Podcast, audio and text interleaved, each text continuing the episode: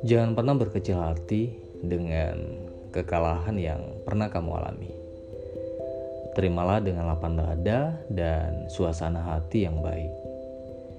Ketika kamu mampu menerima kekalahan itu, sesungguhnya kamu telah menggenggam cambuk di tanganmu supaya kamu berusaha lebih keras. Berbeda jika kamu tidak menerima kekalahanmu. Mungkin kamu akan marah pada dirimu sendiri, terus-menerus menyalahkan dirimu, sehingga membuatmu lupa untuk bangkit kembali. Saat kamu menerima kekalahanmu, kamu memiliki satu kesempatan untuk menjadi pemenang, dan kesempatan inilah yang tidak boleh kamu sia-siakan.